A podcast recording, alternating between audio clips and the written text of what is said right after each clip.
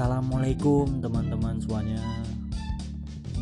Selamat datang di podcast saya yang hobinya jalan-jalan. Apa kabar teman-teman semua? Semoga kalian sehat selalu teman-teman. Apalagi sekarang kita masih dilanda pandemi ya Corona COVID-19 Kalau dihitung-hitung udah hampir dua bulan ya. Ya kita doain ya semoga cepat berakhir ya cepat kelar ini. Jaga kesehatan selalu teman-teman. Gak hanya kesehatan pikiran juga teman-teman. Jangan sampai stres gitu karena kalau stres itu bisa ngaruh ke fisik juga ya. Teman saya ada tuh stres. Ya stres saja dia emang. Emang sinting sih dia orangnya. Ya jaga kesehatan selalu. Pikiran juga jangan stres. Jangan terlalu uh, ditumpuk sama ketakutan. Takut corona takut corona. Takut boleh. Waspada waspada wajib. Tapi jangan takut jangan berlebihan. Karena bahaya juga kalau takut berlebihan. Kita kadang jadi apa ya terdoktrin gitu.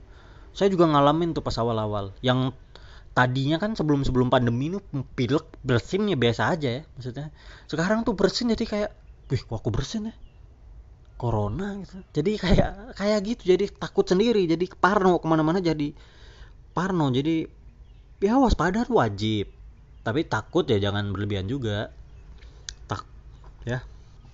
Sama Allah tuh takut ya kemudian sekarang juga lagi bulan puasa ya teman-teman. Jadi tetap semangat buat kalian semua yang menjalani bulan puasa. Jangan jadikan bulan puasa sebagai alasan ya.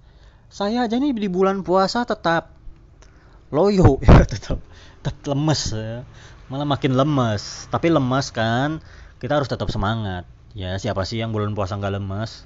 Mungkin ada ya kalau saya sih jujur lemes ya. Tapi tetap semangat. Semangat saya ini. Semangat! Ya kurang semangat apa coba itu ya? Selamat menunaikan ibadah puasa buat kalian yang menjalankan. Dan buat kalian yang tidak menunaikan ibadah puasa juga tetap semangat menjalankan kegiatan sehari-harinya. Jaga kesehatan selalu. Dan buat kalian yang sudah diwajibkan menunaikan ibadah puasa tapi tetap tidak menunaikan ibadah puasa bukan karena alasan musafir, bukan karena alasan yang dibenarkan sama agama. Brengsek kalian ya. Bertobatlah teman-teman besok saya juga tobat ya ya kita sama-sama tobat saya juga belum tobat udah udah tobat ampuni saya ya Allah.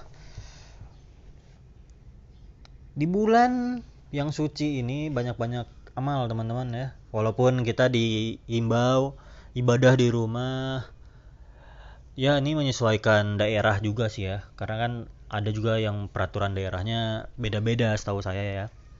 Jadi sesuaikan aja lah semangat ibadahnya teman-teman di pandemi ini buat kalian yang hobi jalan-jalan sebelum bisa jalan-jalan juga bisa melakukan kayak list-list tempat tempat-tempat mana yang mau kalian kunjungi. Kayak saya juga lagi ngelis-ngelis tempat nih.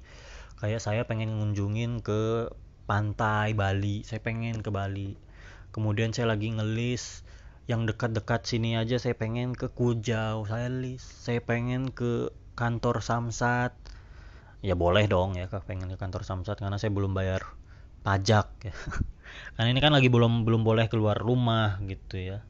Walaupun sebenarnya karena pajak tuh penting ya boleh boleh aja sih ya pakai masker. Tapi ya alasan aja males ya bayar pajak. Ya tidak boleh males teman-teman bayar pajak tetap harus boleh males gitu ya. Eh harus boleh males. Tetap harus bayar pajak. Nih efek lapar jadi nggak jelas ngomongnya ya dan udah ngelis tempat mungkin bisa juga kalian mulai persiapkan nih untuk ke tempat ini tuh apa-apa sih yang harus disiapkan gitu. Ke misalnya kalian ngelis ke Bali. Untuk ke Bali tuh apa-apa tuh yang perlu disiapkan? Uang yang pasti. Kemudian hmm, teman ngajak teman. Kemudian waktu yang paling penting juga. Kalau ada uang nggak ada waktu kan nggak bisa. Kemudian ya banyak banyak lah itu bisa juga dilakuin ya dikala masa-masa ini. Selain kita juga memikirkan apa yang bisa kita lakukan di masa-masa ini selain ngelis-ngelis tempat. Karena ini kayak banyak yang bilang new normal ya. Kita harus beradaptasi juga untuk bertahan hidup.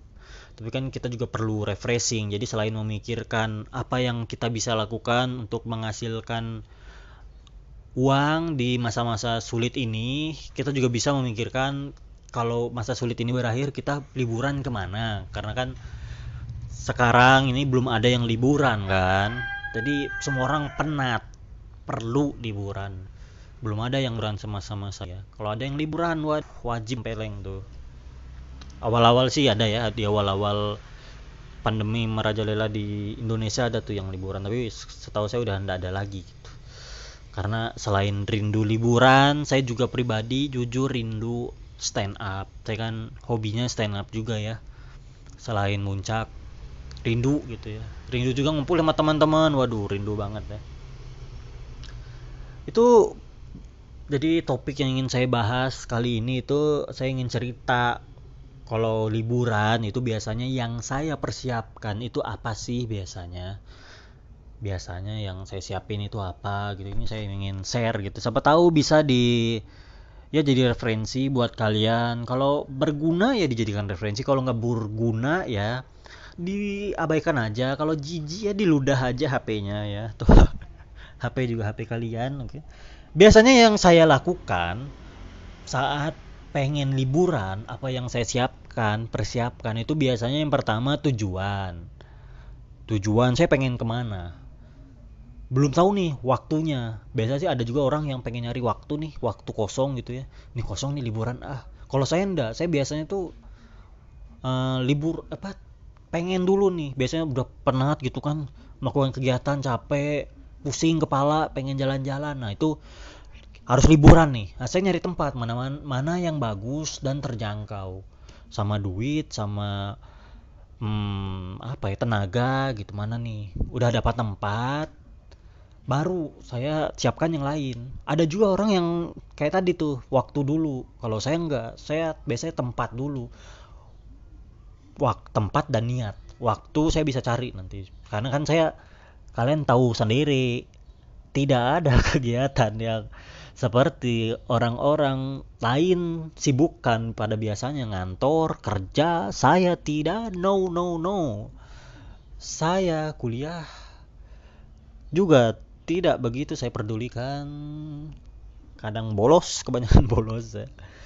Kerjaan juga saya tidak ada yang tetap. Saya cuma mengandalkan panggilan. Kalau ada panggilan nampil, baru saya kerja. Kalau ada panggung biasanya saya kan biasa kadang juga ngikut kayak apa sih ya ngekru walaupun jarang ya tapi pernah lah beberapa kali gitu ngikut ada penelitian juga misalnya karena akhir-akhir ini juga ada tuh kerjaan yang sesuai akhirnya sesuai dengan kuliahan ada juga baru tuh ada kegiatan. Selain itu mah nggak ada makanya saya lebih mentingin waktu apa tempat sama niat dulu waktu saya bisa cari gitu. Karena banyak waktu kosong saya ya.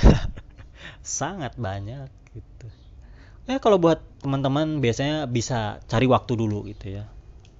Kemudian saya nyari temen udah tujuan nih saya nyari temen mana yang bisa diajak? Saya ajakin nih. Saya ajakin yuk liburan ke sini liburan ke sini. Saya biasanya ngajaknya itu to the point. Mau mau enggak enggak karena sepengalaman nih beberapa liburan itu males saya kalau ada tem yang ngajak tuh dia belum pasti. Ikut yuk yuk pasti enggak lihat nanti lah itu. Aduh nyebelin tuh yang kayak gitu. Ya karena ya ini liburan sih ya nggak ada yang maksa gitu. Terserah dia dia mau ikut mau enggak tapi kan karena saya ini biasanya liburan kan berkelompok. Itu saling berkesenambungan berkesinambungan. Karena kebanyakan saya ini liburan pakai motor. Sama teman-teman tuh pakai motor. Dan kalau pakai motor itu biasanya kita berpasang-pasangan. Jadi kalau satu tiba-tiba nggak jadi itu mempengaruhi yang lain. Dan yang nyebelinnya ya ya kalau misalnya nggak jadinya karena alasan yang mendadak gitu kayak misalnya wah aku besok nggak bisa pergi nih kar ngapa? Ini Donald Trump ngajak makan itu misalnya ya Donald Trump ngajak ngumpul nih. Tahu besok aku ada ini operasi militer misalnya. Aku besok diajak ini Ronaldo main bola misalnya gitu gitulah ya. Itu ya nggak apa-apa gitu. Misalnya genting gitu. Tapi kadang yang nyebelin tuh karena yang alasan yang tidak ah ya gitulah ya ya hak dia. Cuma pengen nempeleng aja ya. Karena rencana kita jadi berantakan gitu. Aku nggak bisa nih gar. Ngapa? Besok ada kegiatan mendadak. Apa kegiatannya? Ya nggak tahu. Kan mendadak. Jadi besok kegiatannya kalau tahu sekarang itu nggak mendadak namanya. Ah brengsek loh. Ya saya nggak marah ya teman-teman. Teman-teman yang merasa pernah kayak gitu jangan tersinggung. Saya nggak marah sama kalian. Nggak marah. Sungguh dari hati paling dalam saya nggak marah. Cuma ya pada waktu itu jujur saya kesel kesel. Karena karena kalian kayak gitu karena kita berkelompok kalian nggak bisa itu mempengaruhi teman yang lain. Karena misal A nggak bisa nih. Boncengan sama si B seharusnya dia. Pakai motor si A si B jadi nggak bisa ikut. Dan si B ini kalau cewek yang nyebelinnya lagi nih cewek itu biasanya harus berpasangan. Misalnya si A si C harus kalau mau liburan mau pergi kalau si B pergi. Jadi si B nggak pergi karena si A si C jadi nggak mau pergi. Cewek tuntang apa kayak gitu ya? Aku mau pergi kalau B pergi. Aku mau pergi kalau D pergi. Aneh cewek itu kayak apa sih kalian ini? Kenapa harus berpasang-pasangan nih? Berpasang-pasangan sih. Kalian toilet dan wipol atau kloset dan tai sih? Harus berpasang-pasangan ya terserah kalian sih. Tapi karena kalian nggak bisa si C nggak bisa karena B nggak bisa si D juga nggak bisa karena C nggak bisa. Dan temen cowok pun ada juga yang males kalau nggak rame. Ah nanti aja lah nggak rame nih nggak seru. Gitu. Ah akhirnya nggak jadi. Ya saya juga males liburan sendiri. Males saya liburan sendiri. Lebih baik saya ke Pegadaian daripada ke bukit sendiri ya. Wah lebih terhibur di Pegadaian sendiri bawa keril gitu ke Pegadaian bodo amat. Nginap di Pegadaian ya daripada saya ke bukit sendiri ngeri boy. Ke bukit sendiri. Ya ada juga sih beberapa orang yang liburan tuh pengennya sendiri ada juga. Nggak masalah tapi kalau saya pribadi jujur saya nggak mau liburan sendiri. Ya karena ngapain gitu nggak seru. Ya mungkin ada orang yang pengen nyari ketenangan jadi dia sendiri tapi saran saya ya kalau pengen liburan sendiri itu kalau bisa cari tempat yang memungkinkan untuk sendiri nggak bahaya kalau kalian pergi sendiri. Kayak misalnya ke pantai. Pantai juga yang deket-deket. Misalnya ke mall. Liburan ke mall kan nggak apa-apa dong liburan ke mall. Ke mana lagi ya ke pulau misalnya yang dekat yang gampang dijangkau yang rame. Kalau kalian sendiri pun nggak apa-apa tapi kalau rame percuma juga ya jadi nggak dapat ketenangan. Pantai lah kan ada bu beberapa pantai yang sepi tapi kalau kalian sendiri nggak bahaya ya nggak apa-apa gitu. Karena bahaya juga kalau kalian liburan sendiri. Ke bukit sendiri itu kan bahaya. Ada apa-apa di sana yang mau nolong? Siapa? Siapa yang mau nolong? Undur-undur di bukit juga nggak ada undur-undur kayaknya. Ada mungkin ada kalian tahu undur-undur nggak? Saya tahu lah ya. Tadi udah ngajak temen ya. Kemudian yang saya siapin lagi bis saya cari informasi. Kan tujuan udah nih personil udah. Cari informasi. Cari informasi ini informasi kayak misalnya ke kami pengennya ke Bukit Kujau. Jadi informasi yang dicari itu kayak desanya di mana.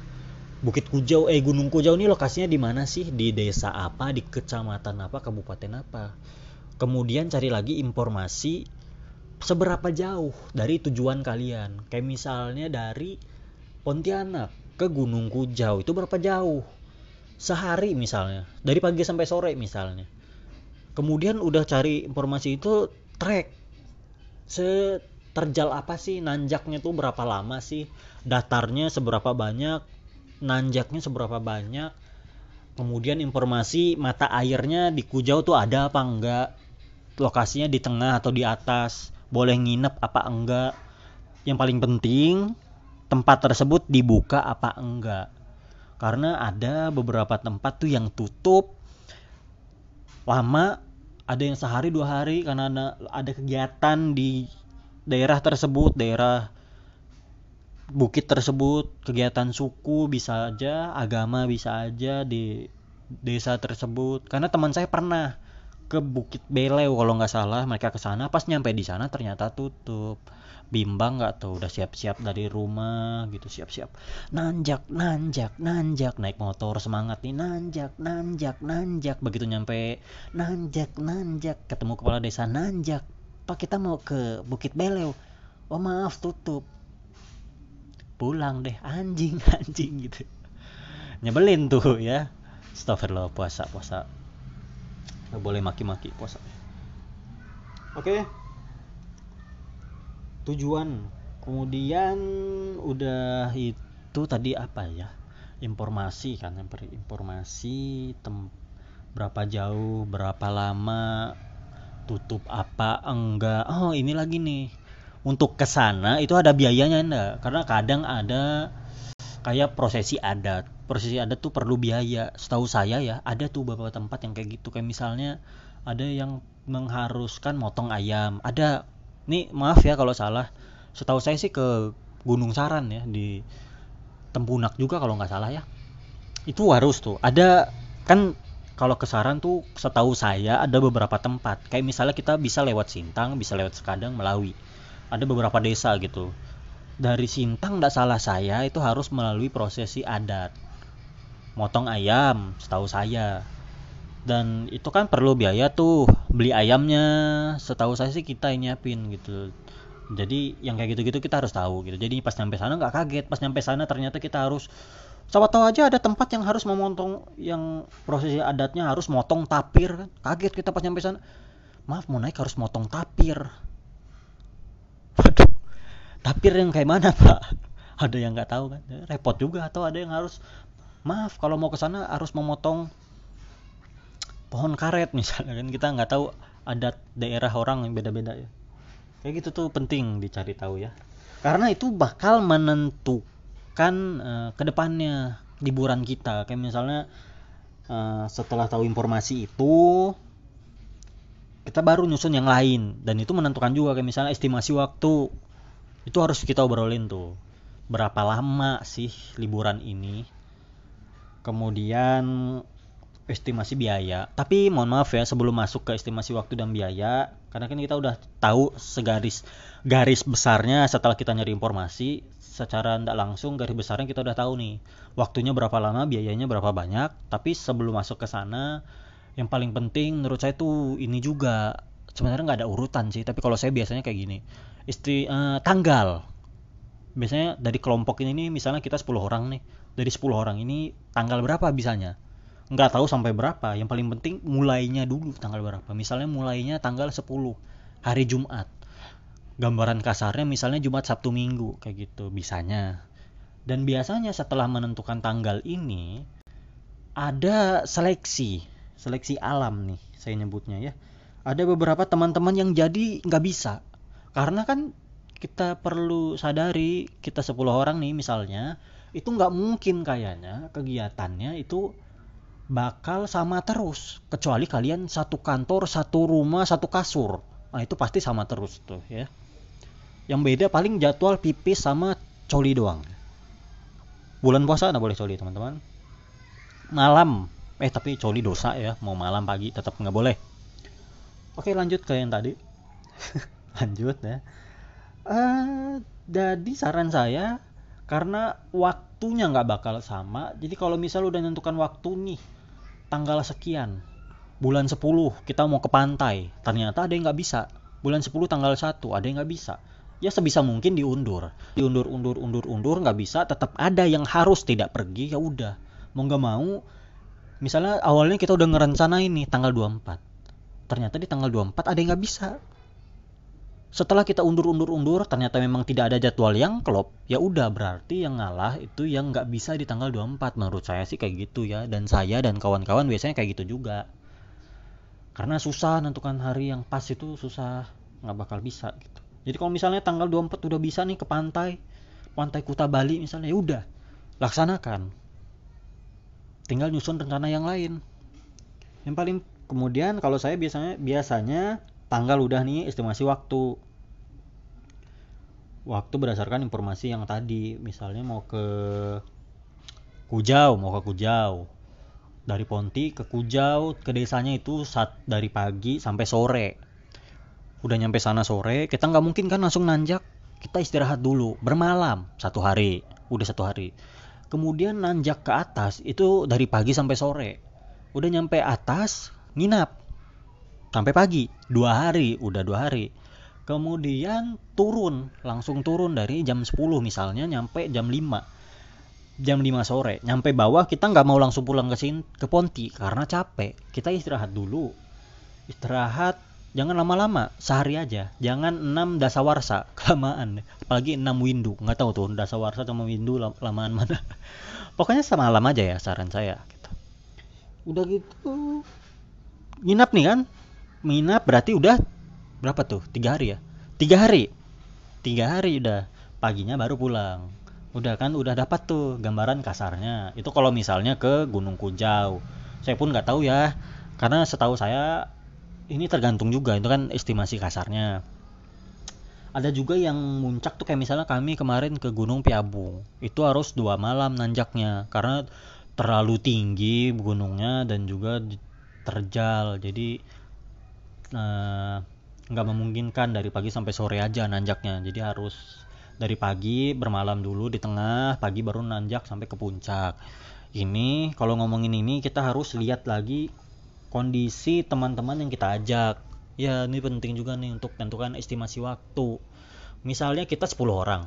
Kira-kira 10 orang ini fisiknya kuat semua enggak kira-kira kalau dari pagi sampai sore uh, nanjak 10 jam mampu enggak kalau nggak mampu jangan dipaksa. Ya udah pelan-pelan aja. Nanti di ketinggian 700 misalnya ya udah nginap dulu. Kemudian baru hmm, uh, pagi lanjut lagi nyampe puncak. Menurut saya yang gini-gini ini perlu dipersiapkan. Jangan udahlah dua hari sehari nanjaknya itu nanti di jalan aja. Jangan. Menurut saya menurut saya malah lebih bagus tuh dilebihkan. Kayak misalnya hmm, wah kita kira-kira kayaknya nggak mampu nih nanjak sehari kita harus dua hari itu malah lebih bagus ini kan menentukan juga ke logistik, ke makanan yang kita bawa. Karena kalau kita merencanakannya cuma sehari nanjaknya, tentu makanan yang kita bawa juga untuk sehari. Kalau ternyata di jalan kita dua hari, kan makanan nggak cukup bahaya. Nanti ada kekurangan makanan, kita bingung mau makan apa. Ada makan, ada temen yang makan temen kan, jadi gawat tuh temen makan temen ya. Mulai haus ya. Bulan puasa ngomong terus jadi makin tidak jelas. Oke kita persingkat. Estimasi waktu kayak tadi ya. Kalau ke Bali gitu juga pokoknya ya ke mana aja waktu diperhitungkan sedemikian rupa. Kemudian biaya. Biaya nih kayak misalnya ke Kujau kita tentukan juga nih bensin misalnya seharian nih kan dari pagi sampai sore. Hitunglah bolak-balik dari Ponti ke Sintang Sintang ke Ponti dua hari. Kemudian berarti misalnya dari Sintang ke Ponti itu dua kali isi bensin. Dua kali isi bensin 60 ribu. Empat kali isi bensin berapa tuh? Ya matematika saya jelek. Tolong kasih waktu. Ah, 180 eh. 60 60 eh 4 eh 4 kali kan dua hari empat kali isi bensin. Satu kali isi bensin hitunglah 40 40 kali 4 oh 160 ya Allah jelek benar matematika saya. Terus 60 satu motor dua orang 80 untuk bensin 80 jajan bawalah 100 untuk makanan berkelompok kita kan saya biasanya ngumpulin duit tuh untuk beli makanan bareng-bareng. Hitunglah 20 per orang. Jadi ya 200 200 tuh kan 200 bawa 100 lagi kalau bisa nih ya untuk jaga-jaga di jalan. Untuk perlengkapan pribadi juga beli minuman untuk diri sendiri untuk jajan untuk diri sendiri juga tuh 100 nya tuh ya. Sosial biaya kemudian setelah itu transportasi biasanya kami. Kami sih biasanya kebanyakan kalau jalan-jalan itu transportasinya motor. Karena yang pertama kami nggak ada yang bisa bawa mobil. Dan yang kedua kebanyakan saya dan kawan-kawan itu kismin. Meleret. Belum ada yang punya mobil kami ya. Orang tua sih ada yang punya tapi kami pribadi belum ada. Jadi kebanyakan kami pakai motor gitu pakai motor. Dan biasanya kami ini meminimalisir ada yang bawa motor sendiri. Karena yang pertama menghindari capek menghindari ngantuk. Karena kalau sendiri kan nggak ada teman ngobrol. Kalau berdua kan kalau ngantuk paling tidak bisa ngajak ngobrol atau minta.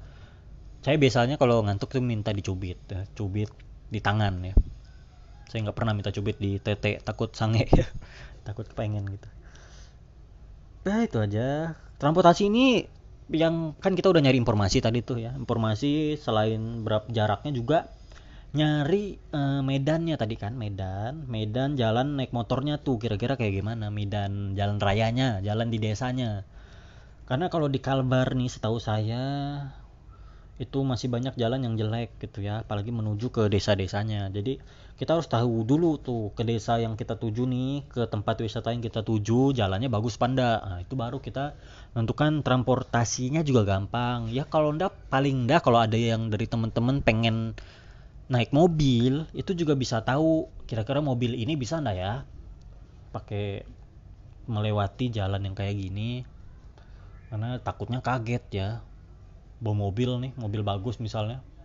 Begitu nyampe sana tahu-tahu jalannya tanah kuning ya. Mana kuningnya kuning tai lagi ya bau. Jadi ya motor juga gitu. Karena kalau jalannya kuning lubangnya besar becek itu motor metik. Waduh susahnya minta ampun. Iya lebih bagus kalau jalannya kayak gitu pakai motor bebek, motor Supra, motor Pega, ya motor gitulah ya. Kalau ada motor trail, motor KLX malah lebih bagus. Eh jangan jangan jangan.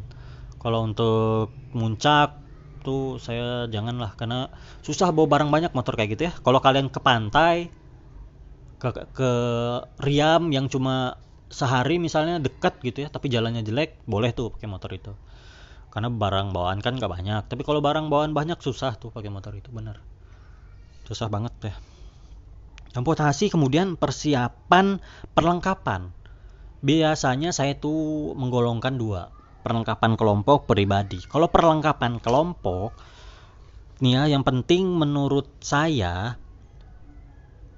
itu kayak tenda. Tenda kompor, gas, parang, pisau, alat masak, kemudian gas, gas sudah belum disebut tadi ya. Kemudian matras, matras ini untuk alas tenda karena biasanya tenda tuh kalau nggak pakai matras tuh merembes gitu. Matras, tali, kemudian garam itu kalau bisa sih dibawa. Saya sih biasanya ngebawa sama teman-teman ngebawa garam. Kemudian flysheet kalau ada yang punya flysheet kalau bisa bawa bawa flysheet nih kayak terpal tapi tipis gitu dia nanti kita udah masang tenda nih di atasnya pasang lagi flysheet biar kalau hujan nggak nggak terlalu merembes airnya ke dalam tenda kemudian hal-hal kecil kayak sendok nasi garam eh garam tadi udah ya korek kemudian apa lagi ya? Uh, sabun sabun cuci piring. Oh ya alat masak. Alat masak nih yang paling penting sih kayak panci dandang tuh untuk masak nasi. Wajan kecil kalau ada ya yang gitu gitulah ya. Kemudian kalian tentukan juga kalau misalnya kalian makan yang mau pakai piring juga boleh. Piring sendok. Ini jadikan aja perlengkapan uh, kelompok. Jangan sampai ada teman-teman yang tidak bawa karena kasihan gitu ya. Uh, tapi nanti sebelum pergi dihitung nih kira-kira lengkap ndak apa namanya piring sendoknya. Ada juga biasanya kelompok tuh yang udah ada piring nih untuk kelompoknya itu udah ada. Ada juga yang ngumpulin. Misalnya masing-masing hmm, pribadi bawa. Tapi kalau bisa sih dikoordinir biar nggak ada yang nggak bawa. Karena ya kalau mau gantian juga silahkan ya tergantung kalian. Kalau saya sama teman-teman saya sih biasanya nggak pernah bawa sendok dan piring. Bawa biasanya bawa. Tapi bawa tuh biasanya untuk nasi bawa tuh tiga atau dua biji. Dibawa tuh bukan untuk pas kita makan gitu bukan. Biasanya kami kalau makan itu pakai plastik packing. Jadi diampar di tanah gitu kayak ayam gitu kayak ngemper. Emang agak gembel kami tapi ya percaya teman-teman kalau menurut saya lebih asik tuh kayak gitu. Lebih apa ya namanya? Lebih feelnya lebih dapat lebih kebersamaannya lebih dapat kalau setidaknya itu bagi saya dan teman-teman saya. Ya kalau bagi uh, uh, teman-teman dan kawan-kawan kalian lebih enak pakai piring ya silahkan nggak masalah gitu. Tapi lebih baik emang yang kayak gini tuh masukin ke perlengkapan kelompok plastik packing juga. Kalau misalnya mau sama kayak kayak kami plastik packing. Dan semua ini biasanya kami tuh uh, ada PJ-nya kalau kami emang agak-agak semi-semi terorganisir biasanya. Misalnya tenda kau nih yang bawa kompor kau tali kau parang kau pisang kau alat masak kau biasanya kami kayak gitu. Karena kami ini belum yang semua orang udah punya alat masing-masing. Belum. Misalnya saya udah punya tenda belum kami belum lengkap semua. Belang-belang. Ada yang punya tenda ada yang punya kompor ada yang nggak punya apa-apa ya. Punya alat kelamin doang. Saya tuh kayaknya ya. Ya tapi kami tidak apa-apa. Kami tidak pernah memaksa kalau saya dan kelompok teman-teman saya nggak pernah maksa gitu. Tapi yang paling penting kami di PJ kan biasanya. Ini kalau untuk ke puncak atau ke Riam ke pulau ke pulau juga perlengkapannya kayak gini juga nggak apa-apa malah bagus ya. Ke ke pantai. Ya kalau ke pantai kalian mau kemah juga bisa bawa yang kayak gini-gini ya. Tapi bisa dikurangi yang nggak perlu. Kayak misalnya apa ya? Ah perlu semua. Sama aja kayaknya. Tapi kalau ke pantai kalian pengen nyewa villa ya ini nggak perlu dibawa. Ngapain di villa kalian dari tenda? Ngapain ya? Nggak perlu ini kalau misalnya kalian di pantai tapi uh, di pasirnya ya yang kayak gini-gini perlu dibawa. Di pulau kayak gitu juga ya. Kalau ke mall ya nggak perlu dibawa apalagi ke kantor samsat. Perlu kalau kalian mau. Ya kalau kalian gila perlu. Tapi ya nggak perlu lah ngapain ya? Ah udah. Apa sih? Nggak jelas ya. Udah ya. Perlengkapan kelompok saya rasa itu aja. Parang tuh perlu ya.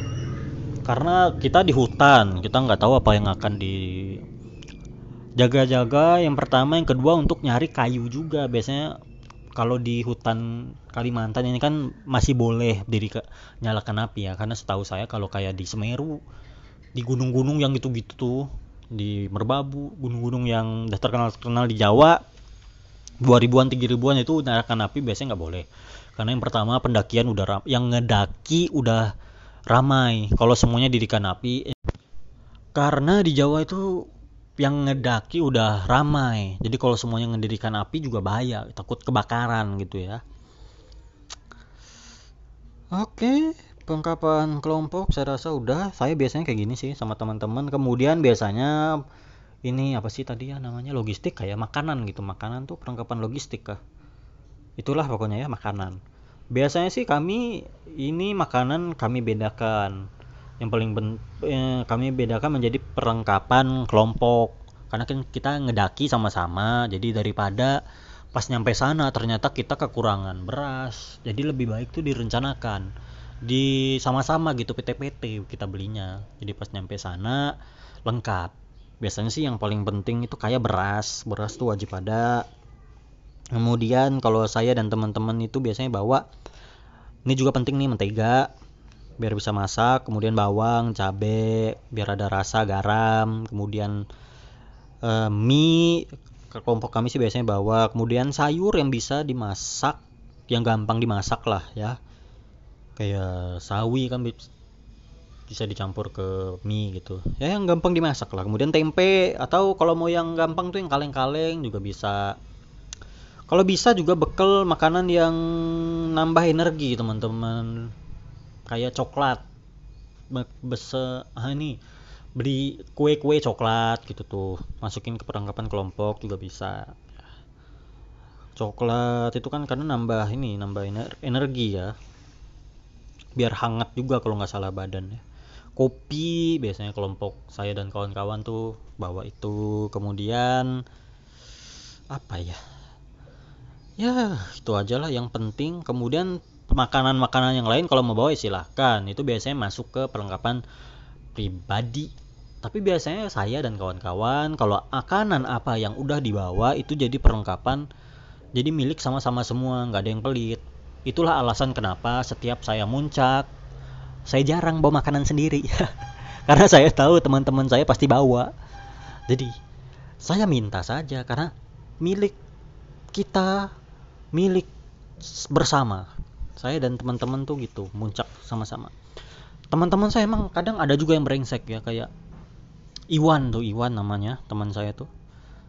Dia tuh mana handuk kita ya statement dia tuh kalau di udah di alam tuh milik bersama ya. gampang aja mulut dia ngomong tuh gar handuk kita mana dia nggak bawa handuk handuk kita mana mana mie kita aduh tapi ya nggak apa-apa ya. Saat puncak mah kelompok saya dan teman-teman mah happy happy aja gitu ya.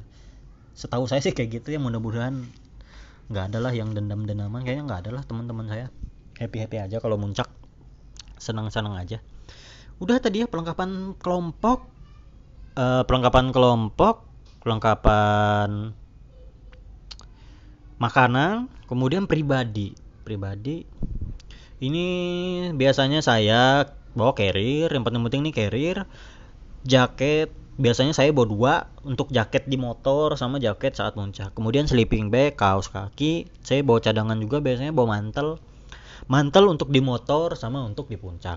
Biasanya mantel untuk di motor itu ya ponco atau mantel baju. Kalau untuk puncak itu saya bawa yang plastik biar ringan gitu. Kalau untuk di motor saya biasanya mantel yang sama seperti mantel yang saya bawa untuk muncak.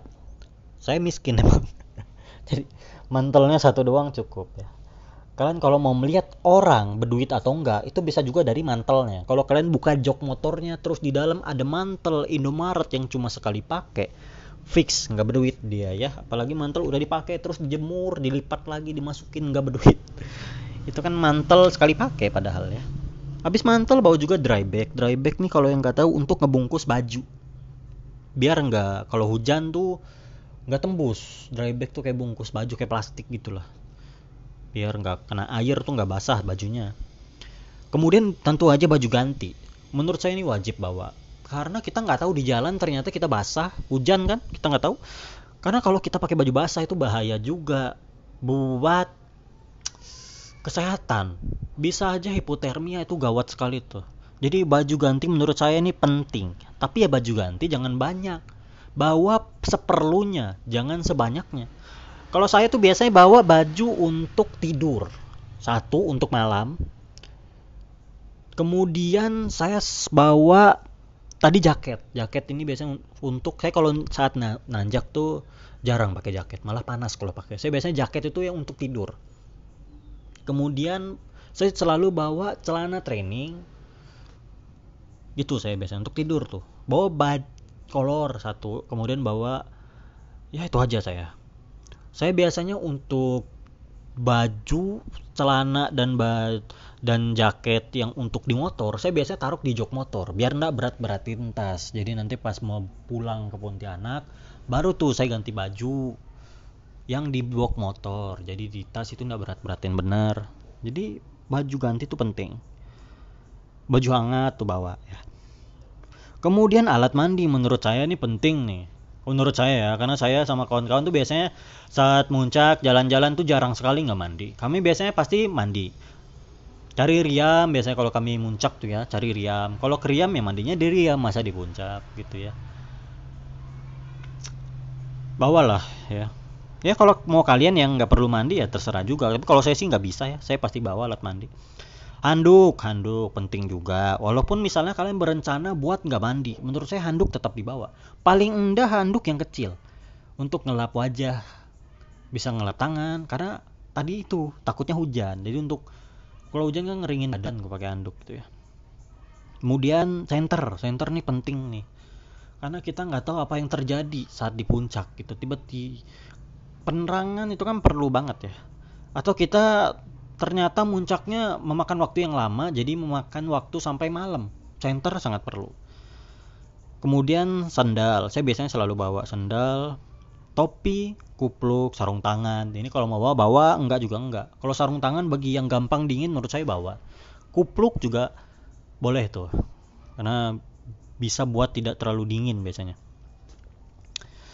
udah itu aja teman-teman yang biasa saya siapin. Terakhirnya untuk perlengkapan biasanya saya prinsipnya kalau saya yang paling penting itu fungsinya sama.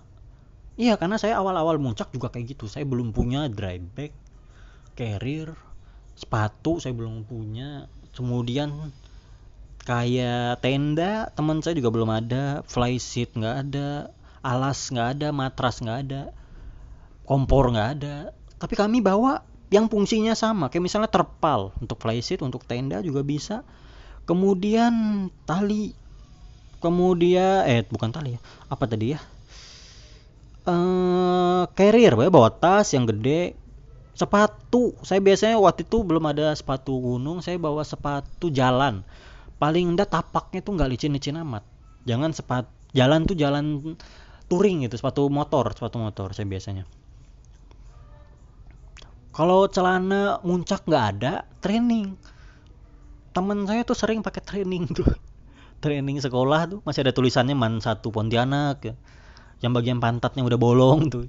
Yang kalau ditarik tarik tarik tarik tarik jadi kolor celananya ya habis. Kainnya tuh kan ada yang muncul satu tuh di bagian pantat tuh kain. Yang kalau ditarik dia terus terusan tuh. Kalau nggak diputusin tuh ketarik terus tuh benangnya. Jadi kolor nanti ya tapi ya kalau bisa ya dilengkapin dulu. Karena kalau nggak lengkap kita ke bawa kayak terpal bawa kayak uh, tenda pramuka yang besar itu ngeberat ngeberatin tas. Karena kan perlengkapan mendaki itu fungsinya itu biar nggak terlalu berat biar gampang dibawa biar memudahkan gitu. Jadi kalau bisa ya uh, lengkapin dulu. Tapi kalau misalnya nggak lengkap ya tadi itu yang penting fungsinya sama. Tapi ya itu dia catatannya repot selain perlengkapan itu paling penting perlengkapan fisik. Eh perlengkapan kesiapan fisik. Itu juga udah di saya bahas di podcast kemarin ya. Ya teman-teman saya udah haus ini. Nih saya ngerekamnya udah mau buka ya udah jam 5 saya mau siap-siap buka. Oke itu aja teman-teman. Sampai jumpa ya. Yang mau habis ini nanti liburan hati-hati persiapkanlah sebaik mungkin ya Dah teman-teman itu aja. Saya Tegar, terima kasih. Assalamualaikum.